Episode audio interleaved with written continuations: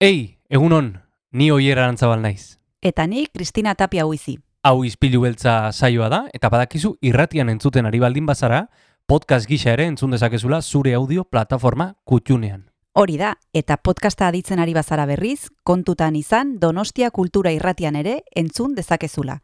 FM eundazazpi puntu lau frekuentzian. Sare sozialetan ere topatuko gaituzu noski, izpilu beltza bilatuta, Instagram, Facebook eta Twitterren. Besterik gabe, guazen gaurko saioarekin. Az gaitezen,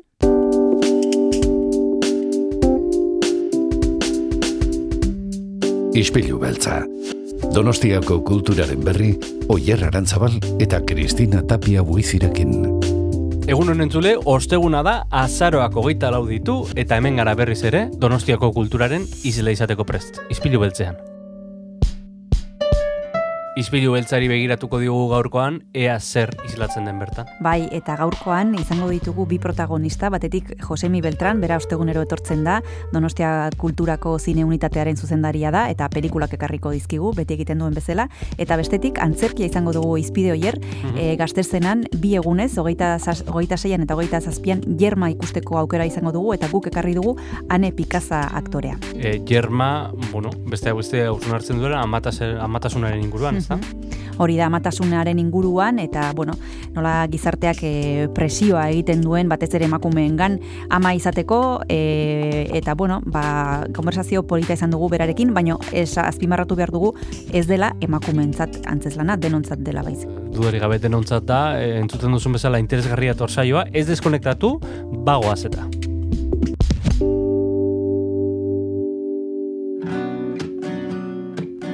Osteguneko saioa kantu eder batekin hasiko dugu, normalean alaxe egiten dugu edo bintzat saiatzen gara, eta gaurkoan pasadenaren azken kantua entzungo dugu, hause da, zerua ireki. Zeru hau aiztoz Ireki nahi du. Gaur erditzeko Eta gure gainera Jauziko dira dena.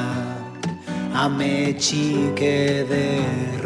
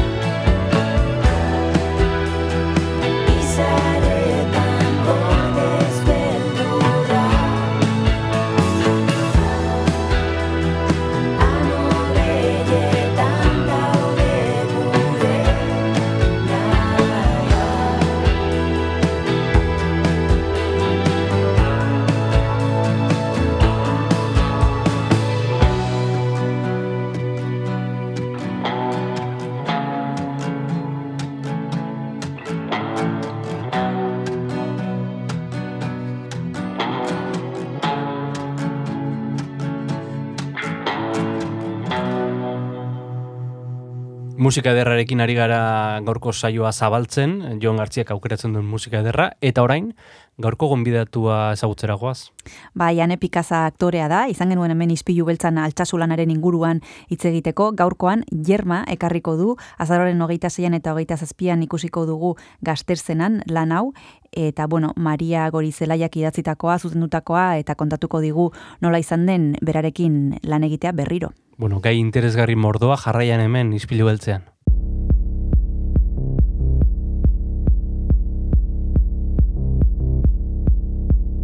Ez dut uka tuko zer den. Onaino ekarri nauena.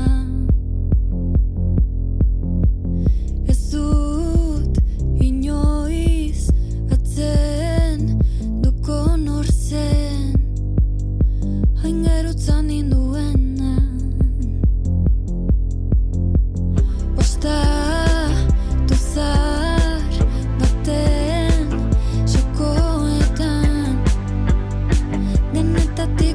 done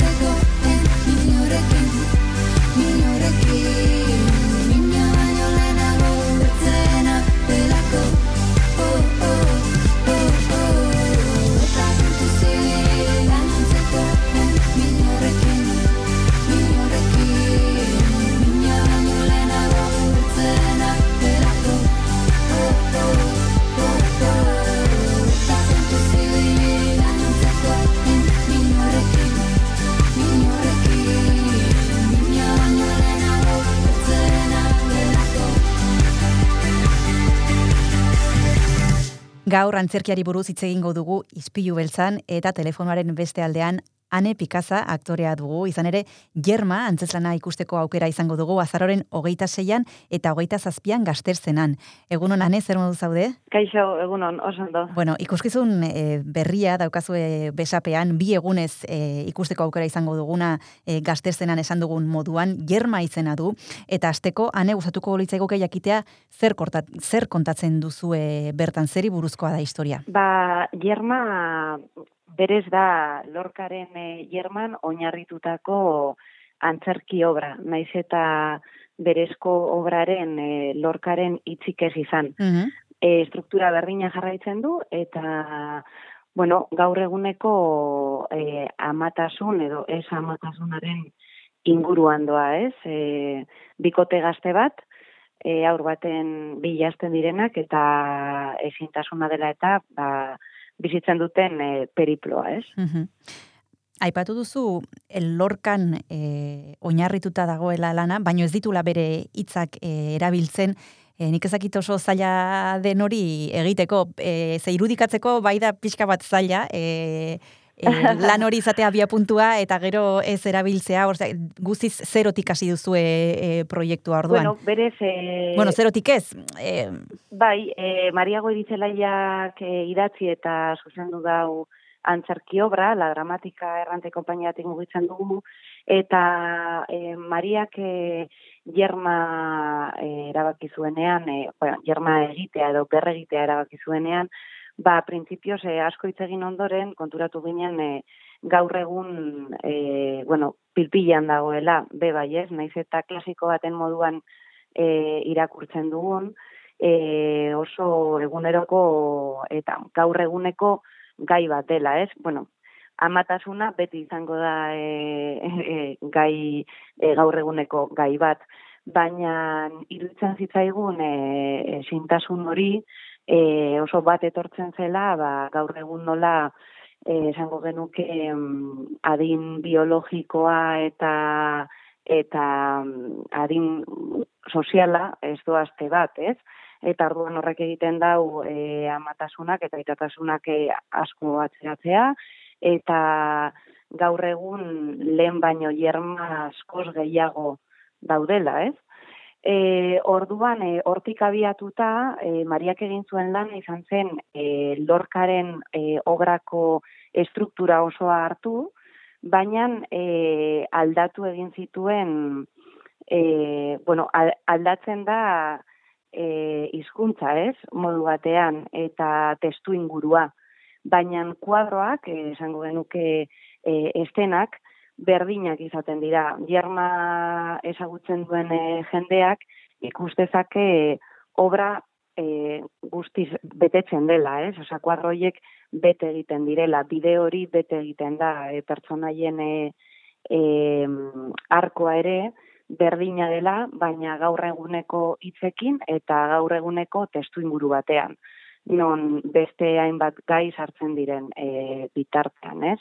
Ba, e, dauden e, hainbeste fertilizazio klinikak, e, gaur egun dauden e, albideak lehen etzeudenak, e, bueno, apur bat e, horreri helduta, testu berri bat sortzen da, baina e, oinarri argi badaukana, ez? E, lorkaren obra horretan.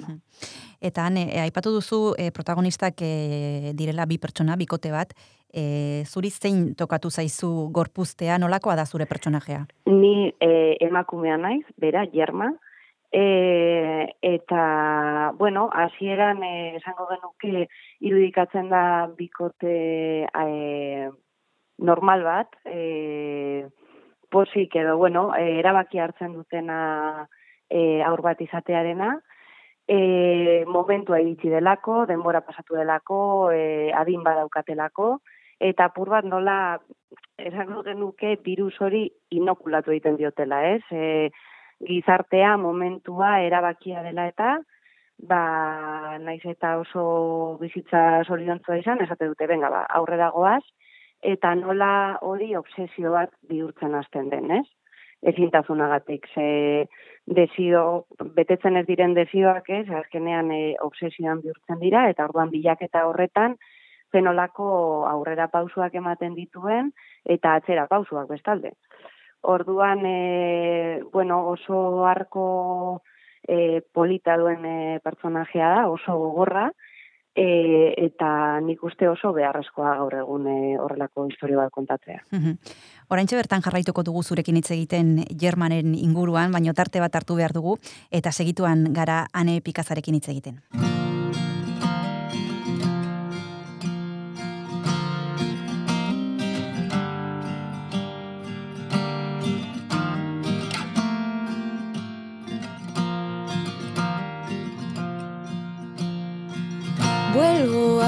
Recordar una historia en blanco y negro, las palabras de un viejo refrán. Vuelvo a encontrar tu memoria escondida, esos ojos de cristal.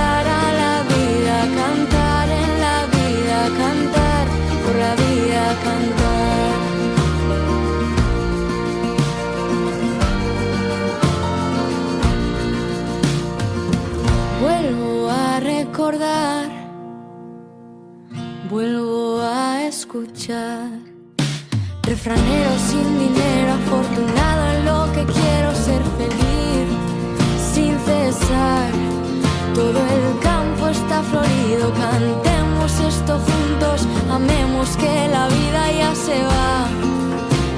Cantemos esto juntos.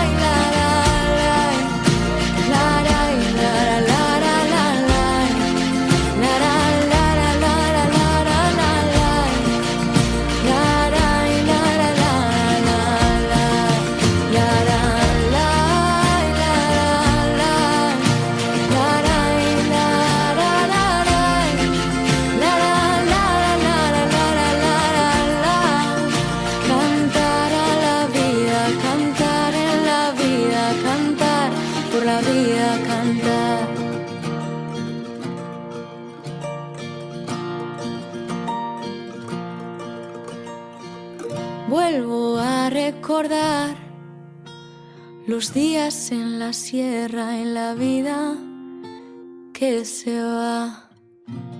Donostia Kultura Irratian jarraitzen duzu, entzule gaur telefonoaren beste aldean Ane Pikaza aktorea daukagu, berak ekarriko baitu e, beste lankidekin batera Jerma izenekoen antzezlana, zaroren hogeita zeian eta hogeita zazpian ikusteko aukera izango dugu, arratsaldeko zazpietan gazterzenan.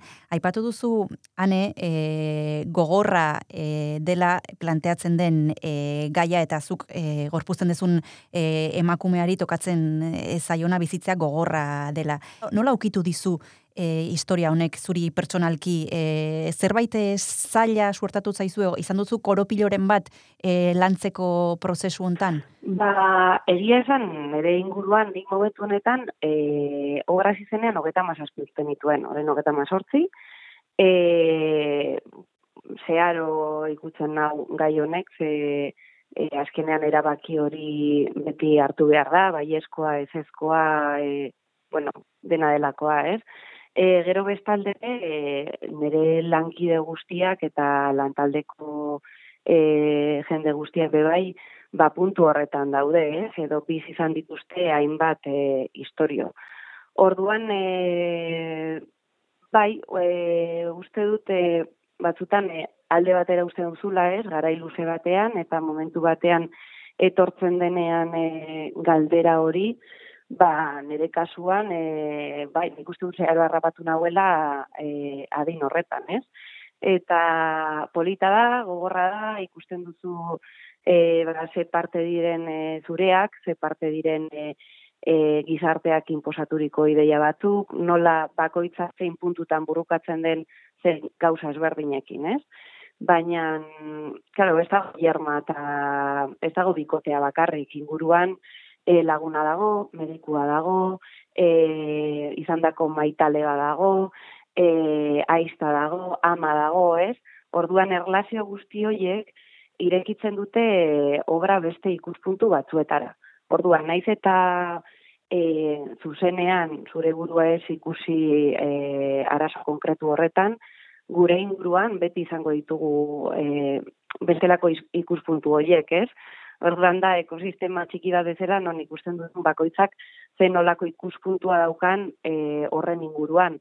Orduan eta nahi ez, e, bueno, errealitatearen e, izlada bat da, a, e, apur bat zuma eginez, ez? Esango genuke. Orduen, e, bueno, bai, nik uste dute nahi eta nahi ez e, ikutze dizula. Denok izan dugu, daukagu e, lagunen bat, e, gu izan gara, e, edo dena delakoa, mm. eh? Bai, adin tarte batean e, jartzen badugu fokua, e, ez da bai da hauek eta hausnarketa hauek izan ditugu emakume ia guztiok, baina ezakit e, gizonezkoek hausnarketa hau e, egiten duten, ze amatasunari buruz e, hitz egiten dugunean, e, aitatasunari buruz ez dakit gauza berak e, aplikatu ditugun. E, hau da, emakumeen gaila da bakarrikan, e, ze guk pentsatzen deguna, bueno, gure ibilbide profesionalan izango duen eragina, e, bueno, hainbat kontutan pentsatzen dugu, gai honetan pentsatzen dugunean, baina nik ezakit e, gizonezkoek, e, bueno, pixu bera daukaten e, gai honetaz hitz egiten dugunean, ane? Ba, hor dago koskandi bat, ez? Hmm. E, nola gaur egun hitz egiten dugun korresponsabilitatearen e, inguruan, benetan horrek zer esan nahi duen, ez? Eta zein puntutaraino bi, bi parteak e, bueno, ba, erantzunkizun badaukaten e, honen inguruan, naizta bi gizonezko izan, bi emakumezko, zer rol hartzen duen bakoitzak e, gai horren e, inguruan, ez? Orduan, e, ba, ez, akiz, bakoitzak bere burua jarri behar du hor, eta eta ausnartu ba zein puntutaraino hartzen dituen e, erabaki horiek. Nik uste dute bueno, guretzako oso beharrezkoa izan dela hau e, maigaina jartzea e, ba, desinformazio handi bat dagoelako edo edo horrela pentsatu dugu, ez? E, ba, betiko gazte garen gizarte honetan, non e, erresponsabilitate horiek atzeratu egiten diren, non e, karrera bat izatea, master bat, e, personalki e, e, lanean toki batera iristea, ez, hor gai asko daude.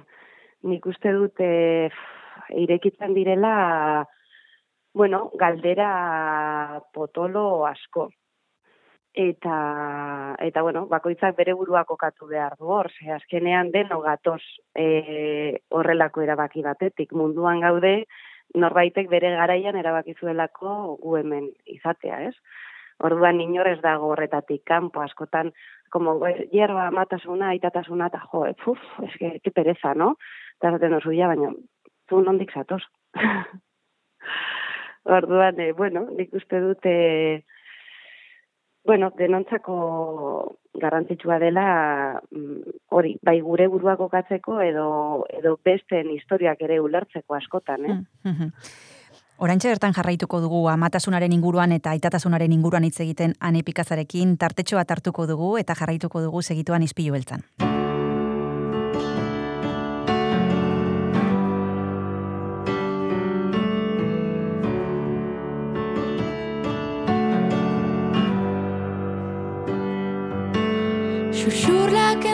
Entzuten dira neskatuaren gelan gauez Atea ireki da aita Argia pizteko dio alabak mesedez. Munstrago herriro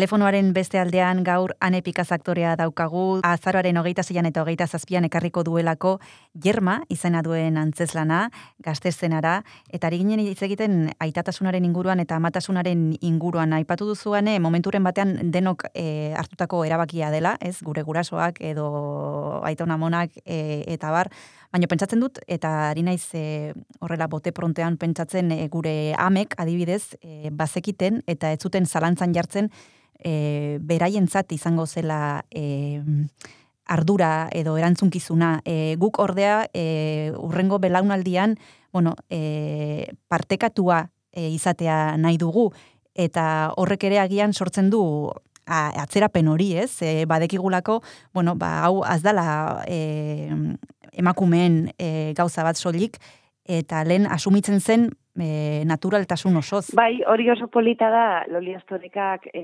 egiten daue amaren papera, eta mm. momentu batean ez, hor badago elkarrizkita bat, non galdetzen dion, e, bueno, zergatik erabaki zenuen ama izatea, ez?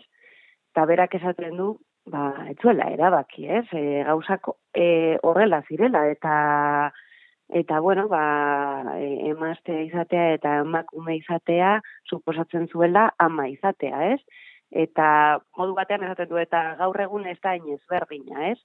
Nik uste dut badela, baina, bueno, eraldatzen joan gara e, gure lekua ikusteko modua, ez? Eta, eta gian horrek ere ekarri da batzerapen bat, ze emakumeok gizonezkoen moduan nahi izan dugu gure karrera egitea, gure azterra egitea, gure lantiko posible hori bilatzea, eh, gure ba, e, autonomia izatea, ez? E, erabaki horiek e, hartu baino lehen. E, orduan e, ez dakit, bai, aldea dago, aldi berean nik uste dut gauz askotan ere oso berdintzuak garela, e, baina denborak ies egiten digula horretaz nik ez dakar zalantzarik. Beste gauza interesgarria ane iruitu zait, em, esplikatu duzu dena atzeratzen dugula, gure ibilbide profesionalari garrantzi gehiago ematen diogu, karrerak egiten ditugu, masterrak eta bar, eta horrek denak e, luzatzen du ba, erabakia hartzeko momentua, eta geroz eta beranduago e, gara guraso, eta horrek ere ekartzen du, ba, e, bazutan parketan ezakizu aitona den, aita den, e, e, zalantzak e, ditugu eta eta geroz eta gehiago sortatu, osea, izango dugu e, egoera hori, ze, bueno, estatistiketan e, agertzen denez, e, ba, adina igotzen ari da e, pila bat, eta gaur egun ume bat berrogei urterekin izatea ez da gauza arraro bat, eta lehen bai, e, bueno, beti gazte kontzeptu ere, ere hor dago maiganean, ez? Bai, badago, badago, noski eta eta izan nahi dugu, ez? Ba, nik uste dut, ez dakit, e, aspaldi, gaur egunen, e, ni bilbokoa naz, e, kaleti joaten zara, eta e, fertilitateko hainbat klinika ikustea gaur egun, ez da lehen ikusten zen zerbait. Ez da, osea, bueno, ezin zenuen ez da pentsatu, eh? Instagramen, niri, nire adinagatik, agertzen zaizit, peinta berriro, e, horrelako e, publizitateak eta edozein momentutan ama izan alduzu eta e, bai ba beti gazteren e, e, iruditegi hori asko bultzatu dugu, ez? Gizarteak asko bultzatu du hori eta eta konturatzen zaren erako, ba, egon dira baino askarragoak izan diren emakume eta gizonezkoak, argi zeukatena, eta haien bizitzako helburu argi batzena, Baina, bueno, hain argi izan ez dugun ontzat, iristen da momentuan, no, esaten duzu, uf, e, zer gertatu da hemen, ez? E, ibilinaz e, beste gauza batzuen bila eta enaz honekin konturatu, ez? E, orduan nik uste dute, bueno, ba, obra honek ere hor jartzen zaitu, ez? Apur bat esan ez. Eta ez ditu esaten ama izan behar duzu, edo baita izan behar duzu, baina bai, bueno, infor, desinformazio horren kontrako bidea egin, ez? E, eta benetan jakitea eta erabaki badela eta autu badela eta e, gizaki moduan e, finitoa garela, ez? Eta garai batzuk daudela gauza batzuentzat, gero argi dago. E, izan zaitezke aita, ba, telebizan agertu dien, e, irurogei hmm. urteko gizon hori bezala, ez? Hmm. Baina, e, gizonezkoentzako ere nik uste presioa e, gutxiagoa, gutxiagoa izan dela, orain arte, eta momentu honetan mai gainean jarri nahi dugu e, ez dela horrela. Gizonezkoak ere bukatu egiten direla, ez, modu batean. E, hori, ba, nik uste simplena da, hori, ba, fertilitate aldetik ez garela infinituak. E, izaki moduan ere ez garen bezala, ez? Eta ziklo batzu daudela, eta zikloien kontra ere askotan ba, saiatu garela joaten, eta eta bueno, sin más. Norbaitek pentsatu dezakean eh, amatasuna, zikloa, eta bar eh, emakumentzat da, hau. Eh, eh, bueno, e, gauza bat e, beraien kezken ingurukoa edo horrelako zerbait e, eta guziz e, kontrakoa denoi eragiten digun gauza bat da hau ez da eta hori, hori planteatu nahi izan duzue antzeslan honetan em, zuen publikoa e, zein nahi duzue izatea? Edo zein publiko. Nik uste dut, e, etorri den Hmm. e, adin publikoak e, islada bat ikusi duela momenturen batean edo bestean. Zagero ez da irudikatzen e, amatasuna e, autu hartuta hogeta piko urterekin dena primeran doala. Osa, badago aizta bat, e, ama, e, ama dena, eta horren seguru ez dagoena. E, puntu asko irudikatzen dira, obran daude e, irureunda irurogeiko e, ikuspegiak, ez? Eta hori oso polita da, ze bapatean e, e, nik antzesten duen emakume hau dago e, amatasunarekin obsesionatua eta trascendentziarekin eta behar hori dauka eta aldi berean dauka izpa bat e, nahi gabe iaia aurdun geratu dena eta ez dena gai e, amatasun hori aurre egiteko eta ikusten duena bere bizitza asko sobeagoa zela lehen, ez? Eta e, bebai bere bikotearekin nola aldatu diren gauza, orduan ez da amatasunaren inguruko irudi ibiliko bat. Nik uste dut nahiko erreala dela, guk gaur egun e, ba, gure inguruan izan ditugun e, e, lagun eta ezagun e, askoren e, historiak islatzen ditugula, gureak e, behor daude, ez? E, eta horregatik e, publiko e, zabal batera irekitzen da, ez? E, askotan emanaldia egin dugunean gero irtetzen zara eta eta hitz egiten dozunean jendearekin bakoitza puntu batetik hitz egiten dizu. Jende heldua esan jo, ni- eske hau esan duzunean edo e, besteak amak hau esan duenean eske horrela sentitu du nire burua inbestetan edo buf, e, nik kalera hau izan nuenean edo daude ez dakizu zenbat puntu dauden obra honetan non irtetzen zarenean eta inbeste informazioa ematen dugu eta inbeste gauza gertatzen diren non jende asko e, buelta oso potente bat ematen dizu irtetzen zarenean. Eta pertsonaje o- ororen inguruan, eh? Orduan nik uste dut irekita dagoela publiko zabal-zabal batentzako. Mhm. Bukatzeko, ane, nahi nizun galdetu Maria Goiri zelaiaren inguruan. Ez da lehenbiziko aldia berarekin lan egiten duzula. E, aurrekoan e, altxasuren inguruan hitz egin genuen hemen zurekin eta eta bera ere e, bazegoen bideo hontan. E, nik ezakite, bueno, e, lankide izateaz gain e, emaitzarentzat e, emaitzan nabaritzen den e, kimika bat dagoela e, kasu hontan e, idazlea eta zuzendariaren artean eta aktoren artean ane. Nik uste dut zalantza barik e, igerri egiten dela, ez? Lehenengo irakurketa egin genuenean oso, oso irakurketa polita izan zen, eta eta azkenean lantalde guztiak, e, bueno, e, lan, ez, ez gara lankideak laguna gara, eta eta Mariak e, kasu honetan e, izan zuen e, idazteko oso modu freskoa, e, oso ondo ezagutzen gaitu, orduan e, e, oso erreza izan zen e, aurrera egitea proiektuarekin.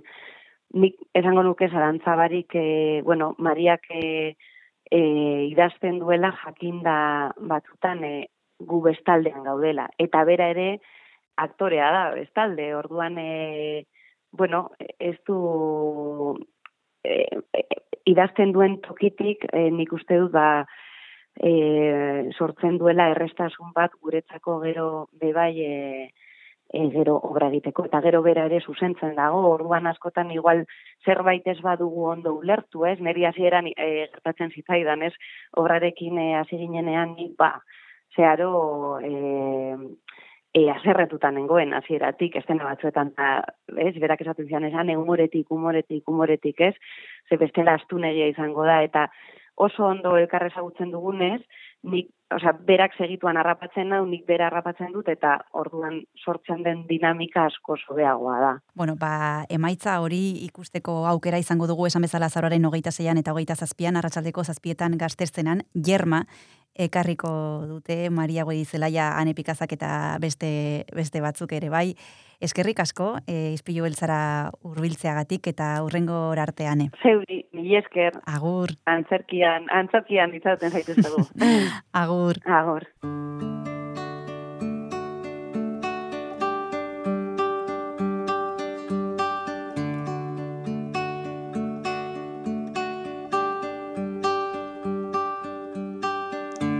Oianeko pagoak blai Aideratu ziruelai Ostadarraren agian dira Irurak pausatu nahi. Irurak pausatu nahi Larrozak dira gorria Edo beste lantxuriak Agitze zederragoak dira Neskatilaren irria. Neskatilaren irria Maldan bera urratxa Betiko bidean latxa Ode iluna gaua belzten du Udazkena da ez bedatxa Udazkena da ez bedatxa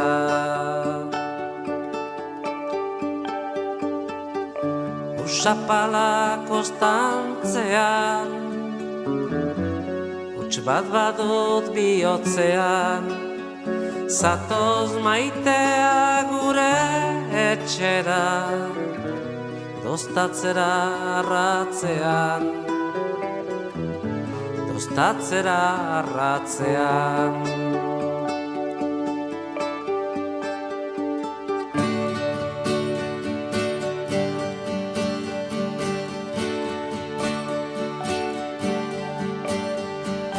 Eder bazoan aritza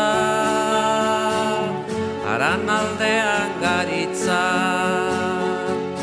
Fruitu antzera ontzen da hemen Izaz hemen bizitza. Izaz hemen bizitza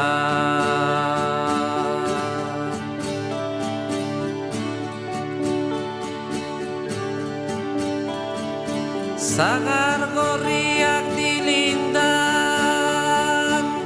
Kamea dago ganbaran Maite lastan ez hartzeko eta Elkartzeko antzean.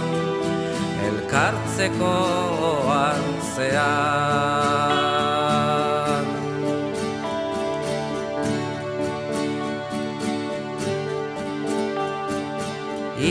Iluntasuna baitzen da. Lumagaldu bat bezala. Begiak uso mingaina arana Zure bihotza enea ingura Zure bihotza enea ingura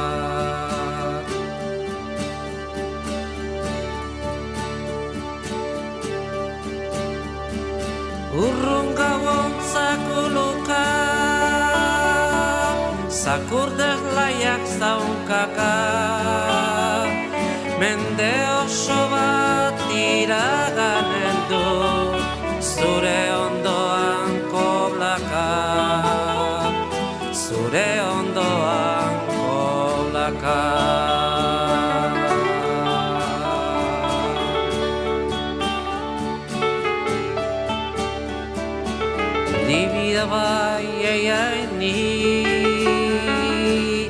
Davidova, Davidovije. Oh, Davidova, Davidovije, oh, ah, na Dovi, nije i ocije, na je i. Novijako cej dnej.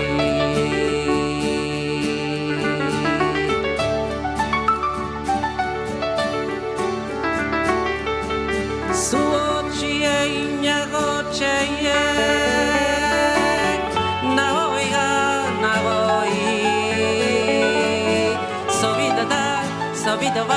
ba, zobide ni nago Nahi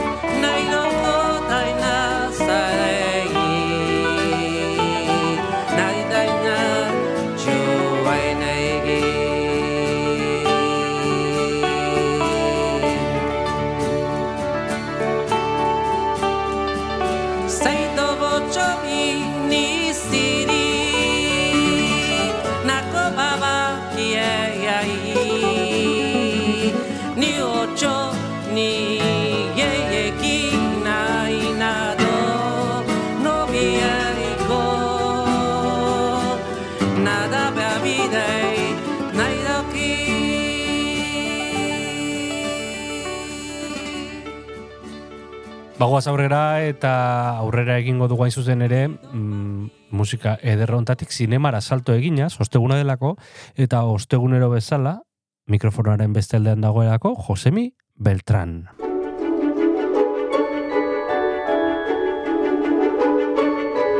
Azpitituloak, subtitulos, Josemi Beltranekin. Eguno, Josemi? Aizo, zelan, Primeran, hemen e, zurekin hitz egiteko desiatzen, zinemaz hitz egiteko desiatzen gaudelako. bai, bueno, taltea ez dugu agian zinema asko ikusteko, baina hitz egiteko. Zu burokrazian itota zaude, ezta? bai, bai, hitz egiteko saiatzen, saiatzen gara ateratzen, bai, bueno, orain badakizue. Ba, urte itxiera beti da gogorra guztientzat, eta, Mhm. eta, eta, bueno, baita ere kultur proiektuetan, e, bueno, niretzat, ba, bueno, e, hilabete, gehien gorroto dudan hilabetea dago, Ja. duda barik.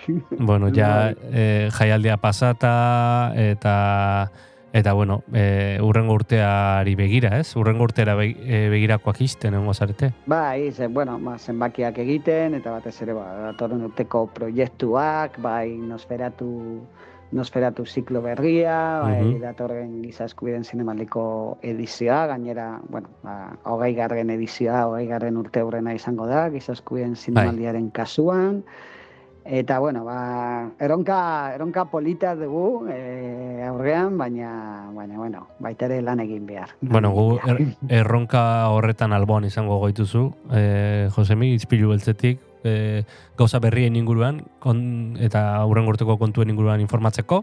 E, jungo gara orain zinemara, egingo dugu gaurko lehenengo gaiari helduko diogu, baina lehenengo abesti bat eskatuko dizut. Bueno, ba, egon naiz e, pizkat ikertzen e, Iraneko pop musikaren inguruan, eh? Hango, bai, YouTubeen, eh, YouTube bitartez ez da ikerketa handia izan, egia esan. Baina, bueno, e, bueno, zeren gaur hitz egingo dugu Iraneko film bati buruz, ez dauka harreman handirik eta edo ez dauka guztik harremanik e, hau, musika honekin, baina, bueno, aukeratu dut Iraneko pop abesti bat, eh, modernoa, bitxia, eh, gutxienez adierazteko, ba, ba, bueno, agian hango estiloak ez, ez direla hain desberdinak, hemengoekin konparatuta, Oso ondo. edo, alderatuta. Oso ondo. Eta aukeratu dut eh, satin, satin taldea, eta abestia da Zap Bekeir da abestia, oso, oso martxosoa. Guazen entzutera. تو دل منی و تو دلتم من. اصلا کو دلتنگم من با همه تو اخم و چشام و روی همه میبندم. فس منی و همه حسودن. مثل تو که نبودن. دل یکی و بردی تو شدی عشق و همه وجودم. آی بوی عطر تنت کور بشه دشمنه. یه شب بدون شب به خیر من بخوابی پشتمت به دل نگیر اخمم و دوست داشتن و یه سختم و بدون که داری قلبم و بدون که داری قلبم و به دل نگیر عاشقم ولی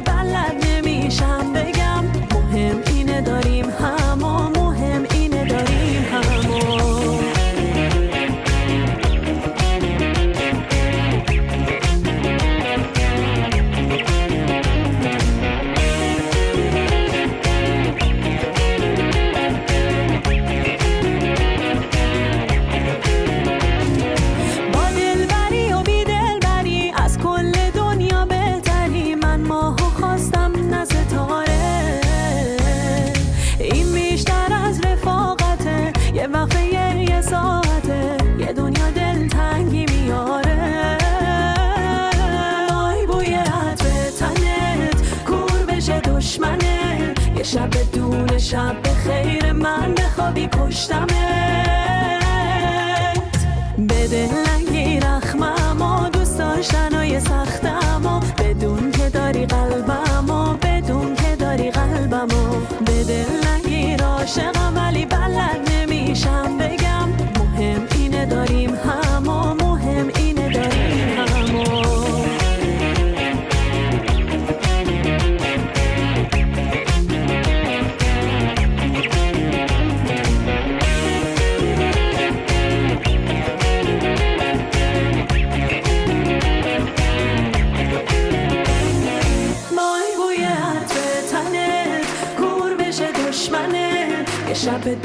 شب به خیر من بخوابی پشتمت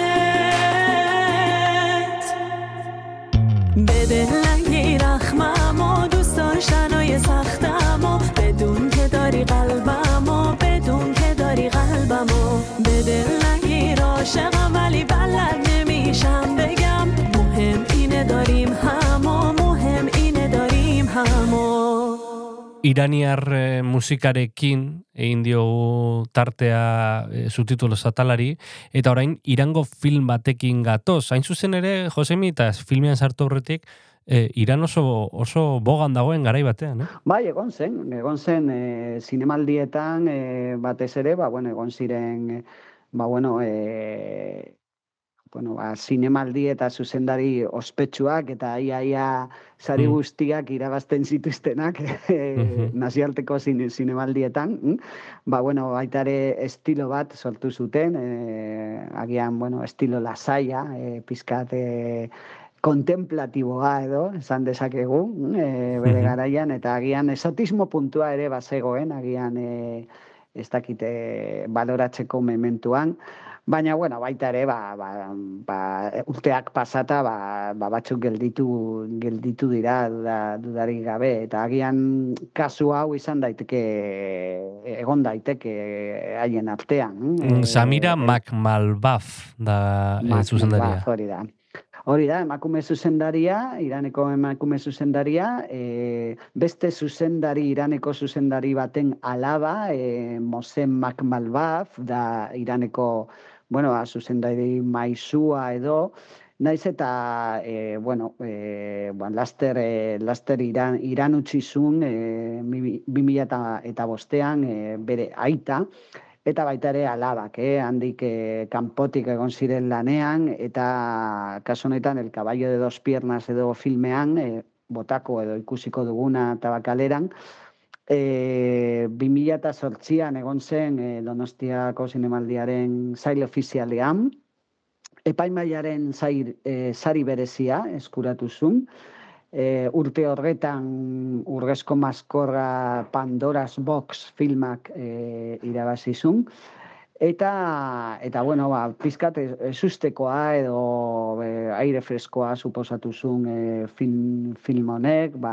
e, nekazarien arteko historia, mutikoen arteko historia, eta bata da zaldia, el caballo de dos piernas da horregatik, eh? ba, bi hankako zaldia da, da mutil bat, e, eta, eta beste mutil bat eramaten du beti bere, berarekin, sama, sama gisa, eta haien arteko harremanak ba, balio du ba, bueno, ba, e, herri baten giroa eta eta baldintzak ba, bueno, iru, irudikatzeko e, filmean.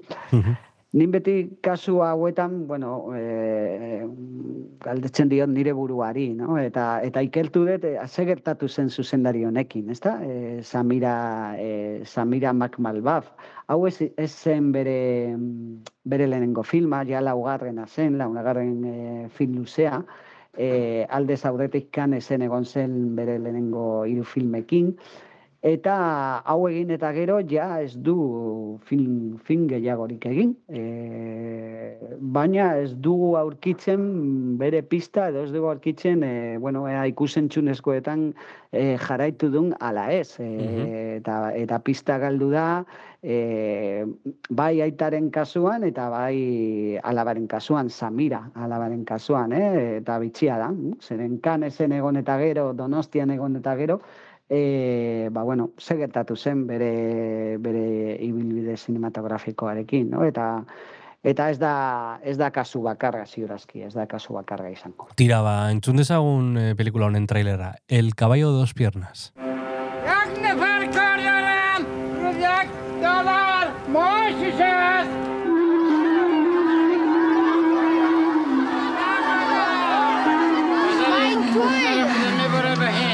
برای تربیه برای دیگه.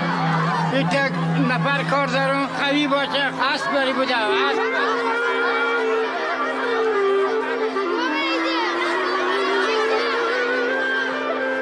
بالا تو نماده نمید بیا. بیره که اغلو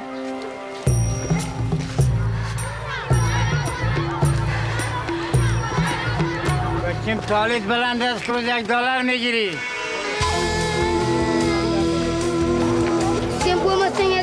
tinha o menos e ele. Osta, osta.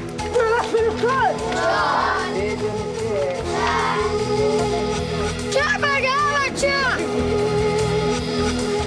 Horra e, nosferatua taldean ikusi izango den filma, e, entzun dugu lagintxo bat, Samira Mac Malbaf e, zuzendariarena, eta esan dugun bezala berazken filma da. E, gerora ez duelako filme gehiagorik egin, eta pista galdua diogulako, Josemi esan duzun bezala, E, gogoratuko dugu azararen hogeita marrean izango dela emanaldia zazpiretan tabakaleran eta hoi bezala sarrerak eskuratzeko ba, nahiko duzuela donostia kultura puntu sartu edo tabakalera puntu sartzearekin.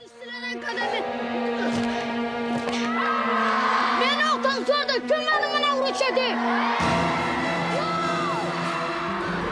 Ora vorrei cantarvi una canzone che mi piace. Bagoaz aurrera eta bigarrena bestiatzuten ari gara, Josemi, zeu keratu duzu? Ba, bueno, kasu honetan e, beste, beste herrialde batera e, mugitu naiz, e, eta bosanova, bosanova bat aukeratu dut, e, Mhm. e, Miusa, e, Miusa eta Tokiño abestutako o que será, que será e, abesti, abesti ospetsua, ba, bueno, beste erritmo bat e, e, jatzeko gaiari. Oso ondo, guazen entzutera. Outro será que me dá, que brota a flor da pele? Será que me dá e que me sobe as faces e me faz curar?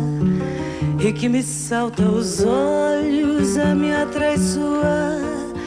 E que me aperta o peito e me faz confessar o que não tem mais jeito de dissimular? e que nem é direito ninguém recusar e que me faz mendiga, me faz implorar o que não tem medida nem nunca terá, o que não tem remédio nem nunca terá, o que não tem receita.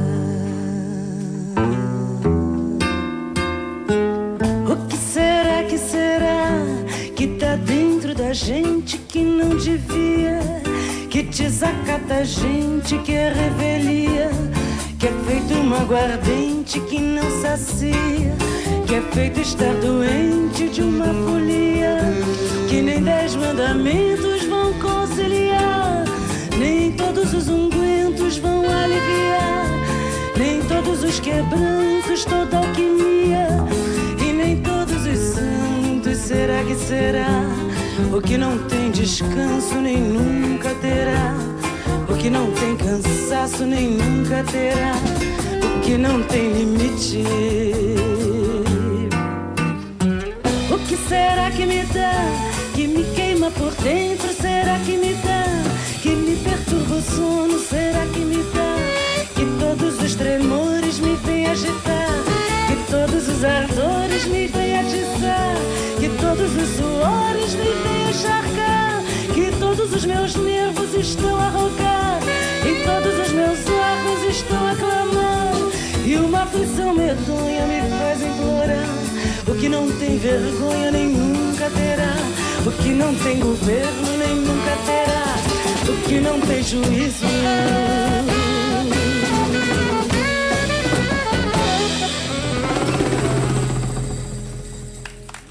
Erritmoz aldatuta, bagoaz hitz egitera orain film baten inguruan ez, jaialdi baten inguruan. Josemi, zu jaialdiz jaialdi bitzen zerrelako.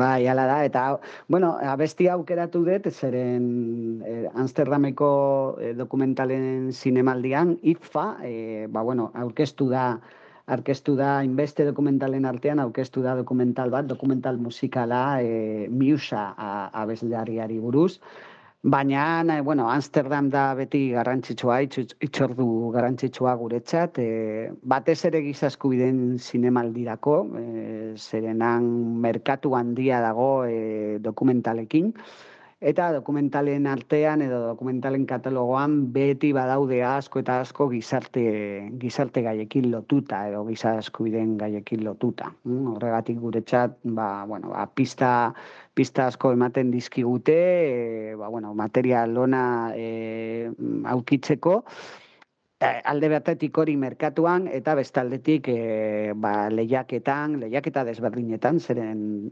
lehiak- lehiaketa eta atal asko ditu e, zinemaldi honek. E, nik uste dut e, Europa mailan dokumentalegi dagokienez, ba, bueno, garrantzitsuena da, e, duda, duda barik. Eta baita ere garrantzitsua da, e, ba, bueno, dokumentalak e, sortzeko eta martxan jartzeko, eh? Zeren, bueno, ba, industriarako, ba, ba, bueno, ba, topagune bat da, e, fondo eta diru laguntza asko mugitzen dira handik, ba, e- ekoizpenak elkarrekin egiteko herrialden artean, eta bar, Eta, bueno, ba, beti, beti da oso, bueno, ez dakit nola esan, ba, bueno, e, energia polita daukan zinemaldia, zinemaldia dugu, bai. Zer ikasi duzu bertan? Bueno, eh, aurten ba, ikasi, ikasi, ba, ba, bai, ba, bueno, agian da, batez ere datorren gizaskubien zinemaldiari begira, e, ba, ba, usnarketa batzuk egin dugu, zeren han ere elkartzen gara e, sare baten barruan gaude, e, zinemaldia, eta nazioarteko beste gizaskubiden zinemaldia sare batean, eta beti asanblada edo topaketa bat egiten antolatzen dugu eta e, bueno, ba, etorkizunari ba, bueno, e, dau, ditugun erronkak aztertzen, aztertzen ditugu eta bueno, ba, publiko berriak sortzeko edo industria atalak eta sorkuntza sustatzeko ideiak atera, atera ziren aurten, adibidez, elkarlanak baita, e, aukerak e, festivalen arteko elkarlanak, lehioak, e, ba, bueno, herrialde batetik e, sustatzeko. Eta, eta baita ere, bueno, ba, hemengo, hemengo sortzaileak topatu dugu kaleetan, Amsterda- Amsterdameko kaleetan. E, adibidez, bueno, ba, Ander Iriarte, Ander Iriarte Euskal Zuzendarian zegoen karpeta ordinak dokumentalarekin, e, torturaren inguruko dokumentala, e, Frontlight atalean en, egin zuen nazioarteko estreinaldia iriartek eta, bueno, ni ustez, e, ba, polita izan du, hango hiru pase edo egin zituzten eta eta jartzen politarekin. Hau ja sortutako edo bukatutako film batekin, eta bestaldetik Iban del Campo ere topatu genuen, zerenan proiektu berri bat e, zuen, Angel, Angels Street, e, Amsterdameko forumean, eta bueno, ba, bilera asko, bilera asko, ea, ia, ia ordu erdiro edo, ba, ba bilera bat, eta, bueno, esaten zigun, Bai. nola, bueno, zeukan burua, ja, ia, ia, Bomboa erreta. bezala.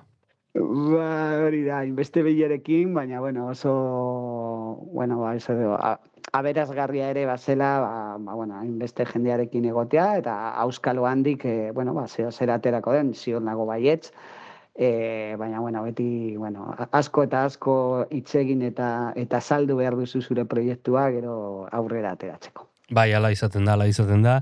Tira, ITFA, eh, Amsterdameko jaialdia, zerbait gehiago ikasi dugu gaurkoan ere, eta gogoratuko dugu berriz ere gaur gomendatu dugun filma eh, Nosferaturen baitan, eh, azaroaren hogeita marrean zazpidetan tabakaleran, El caballo de dos piernas, Amira Magmalpaf.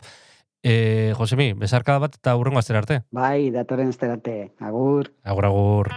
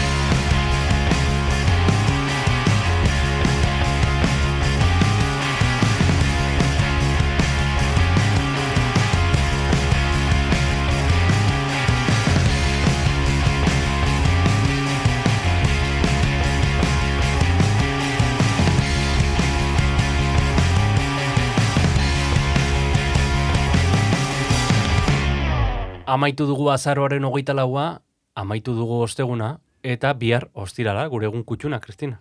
Bai, bihar gure egun kutxuna eta bihar hitz egingo dugu e, libu, literaturari buruz, batetik Marisa Hurtadorekin, berak ekarriko baitu liburu e, oso eder bat, El País donde florece limonero, Elena Atlik idatzitakoa, eta gainera izango dugu ilustratzaile bat Maite Gurrutxaga. Maite Gurrutxaga eta Marisa Hurtado besteak beste biharko saioan, ostiralean, gogoratu izpilu beltzen zute oso horretxa dela, Donostia Kultura irratia sintonizatu besterik ez duzu egin behar, edo mm, Spotifyen, Google Podcasten, Apple Podcasten, dena delako plataforman sartu, izpilu beltza bilatu, eta hortxe egongo gara, goizero, goizero, ba, kulturaren berri ematen. E, Donostiako kulturaren berri esan behar nuen, Kristina, baina esan hemendik pasatzen dena unibertsala da beti.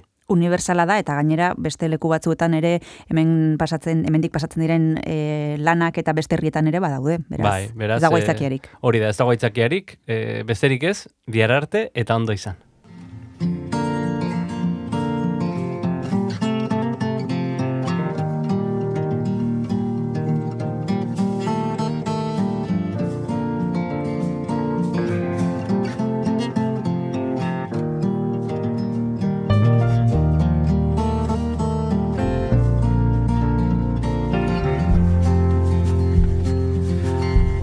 Is how I tell it.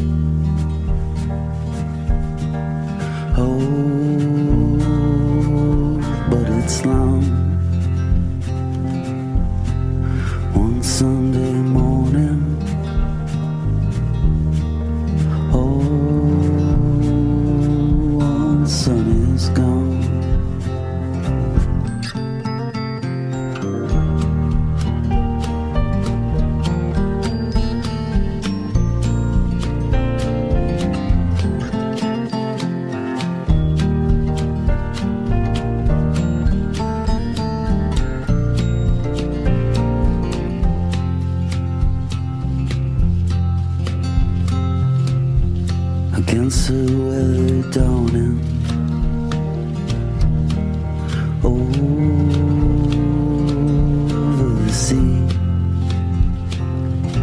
my father said what I had become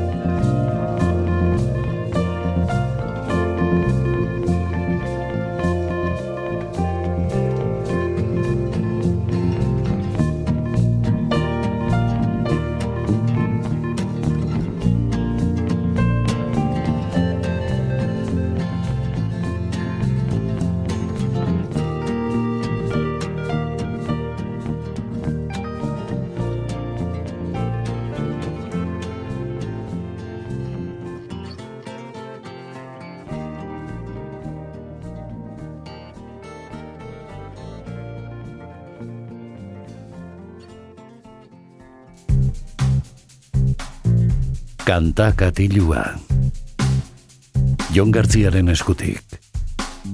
Kaixo entzule, ongi etorri berriz ere ispilu beltzaren amaierara, kantakatilura, hementxe musika ekartzen dizuegu egunero egunero ispilu beltzari amaiera emateko, hemen Donostia Kultura irratian, eta normalean, bueno, azken aldian e, diskoak ekarri izan dizkizuegu, e, gainera normalean berritasunak izaten dira, gustatzen zaigulako musika berria deskubritzea, baina gaurkoan e, ba, salbuespen bat egingo dugu, edo berriro joango gara atzera begirako bat egitera, eta beste batzuetan ekarri dugun talde batekin, e, ezaguna egingo zaizuena seguru, The Beatles, e, taldea berreskuratuko dugu izan ere orain dela gutxi, orain bertan atera dute beste remasterizazio hoietako bat. Kasu honetan berriro argitaratu dute Revolver disko mitikoa, e, beste extra hainbatekin, e, oiko egiten duten moduan, ba, Abbey Roadekin egin zuten moduan esaterako, eta besterik gabe gaurkoan e, Revolver diskoa entzungo dugu aitzakia honekin. Seguraski irratian gaudenez ez duzuen abarituko agian ba, egin duten masterizazio berri horren ba, matizak edo dena delakoak, baina gustora entzungo dugu disko ederrau eta hasiratik entzungo dugu, e, beti egiten dugun moduan, hau da Taxman.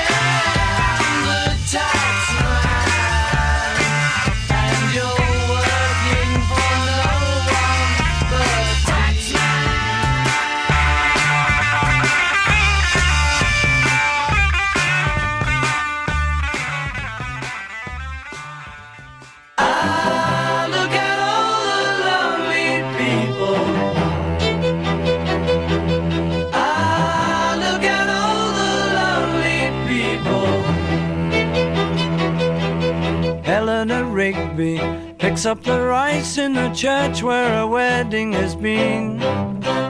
Lives in a dream, waits at the window, wearing the face that she keeps in a jar by the door.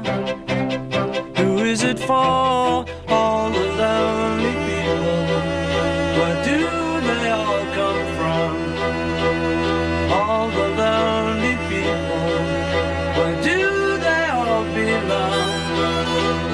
Father Mackenzie, writing the words of a sermon that no one will hear. No one comes near, look at him working, darning his socks in the night when there's nobody there. What does he care? All the lonely people, where do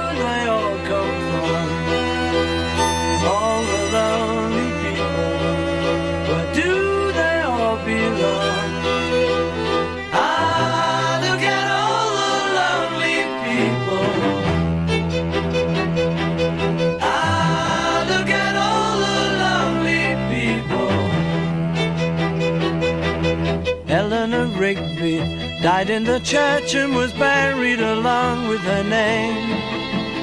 Nobody came, Father Mackenzie, wiping the dirt from his hands as he walks from the grave. No one was saved, all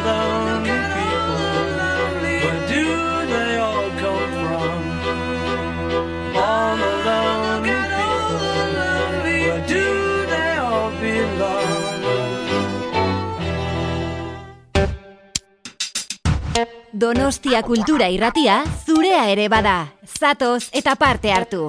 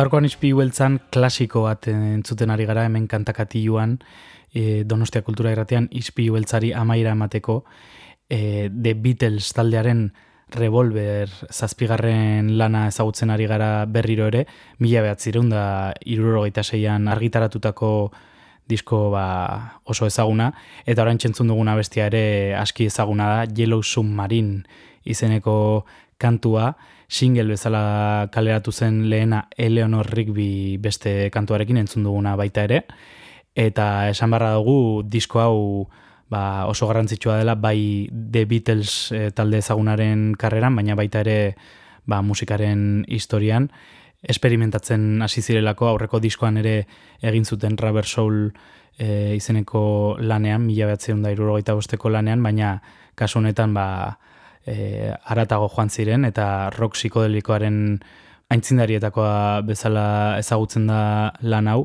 Gainera estudioan teknika berriak ere erabiltzen hasi ziren geroz eta gehiago eta garai honetan izan zen The Beatlesek eh, eszenatokiak ustea erabaki zuenan, hau izan zen izan ere azken lana eh, hori iragarri baino lehen eta geroztik e, estudioko talde izatera pasa ziren eta han hasi ziren geroz eta gehiago esperimentatzen eta ba, utzi diguten diskografia lantzen.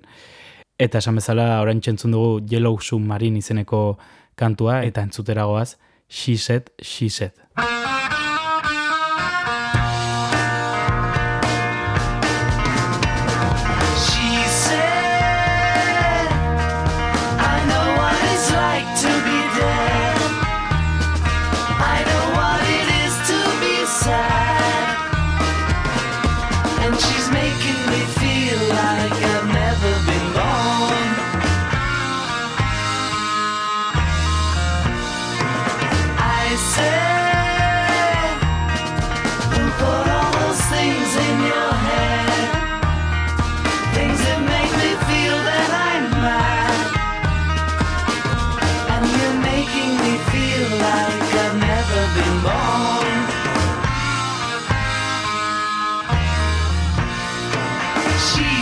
Said, You don't understand what I said.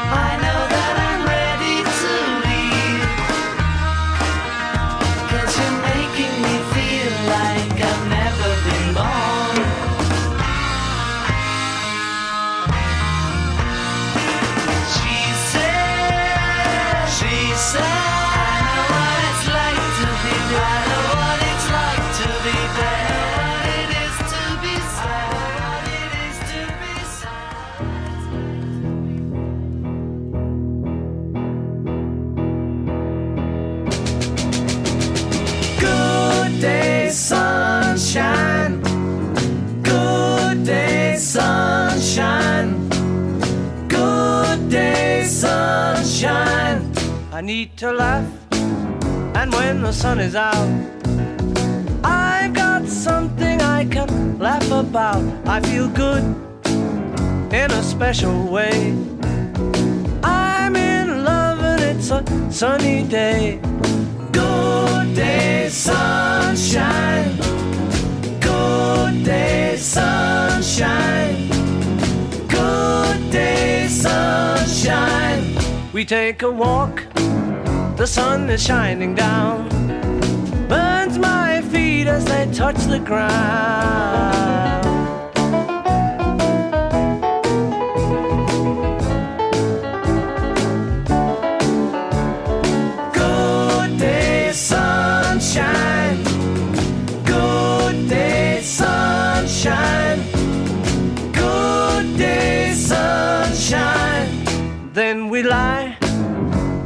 shady tree. I love her and she's loving me. She feels good, she knows she's looking fine. I'm so proud to know that she is mine. Good day, sunshine. Good day, sunshine. Good day, sunshine.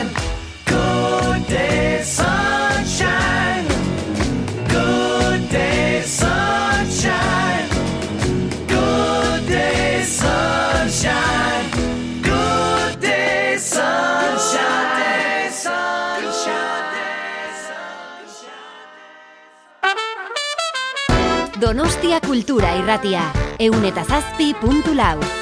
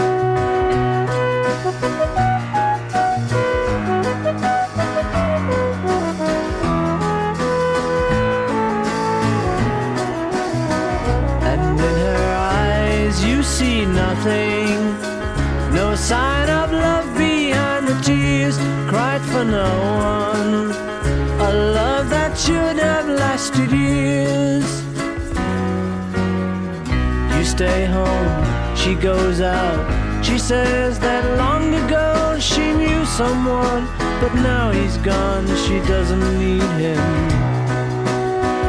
Your day breaks, your mind aches.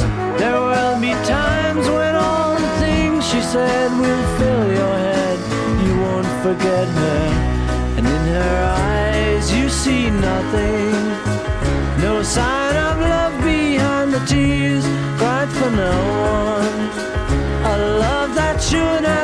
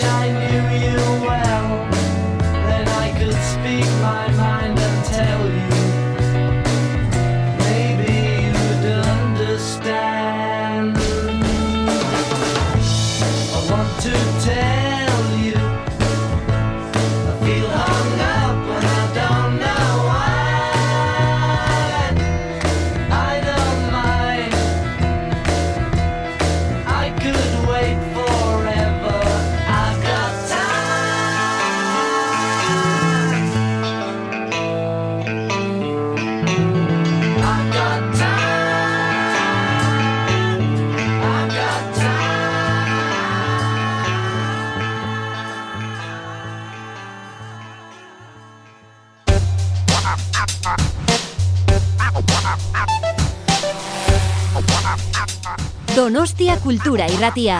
Zabaldu gurekin donostialdeko kulturaren leioa.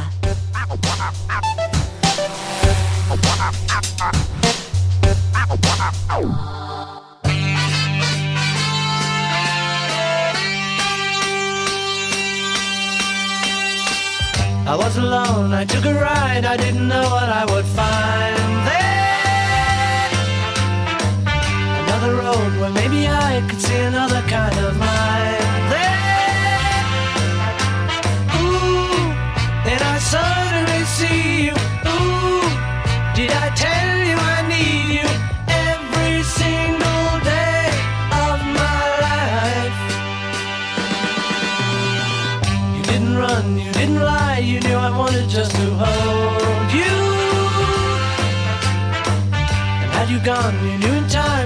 again, for I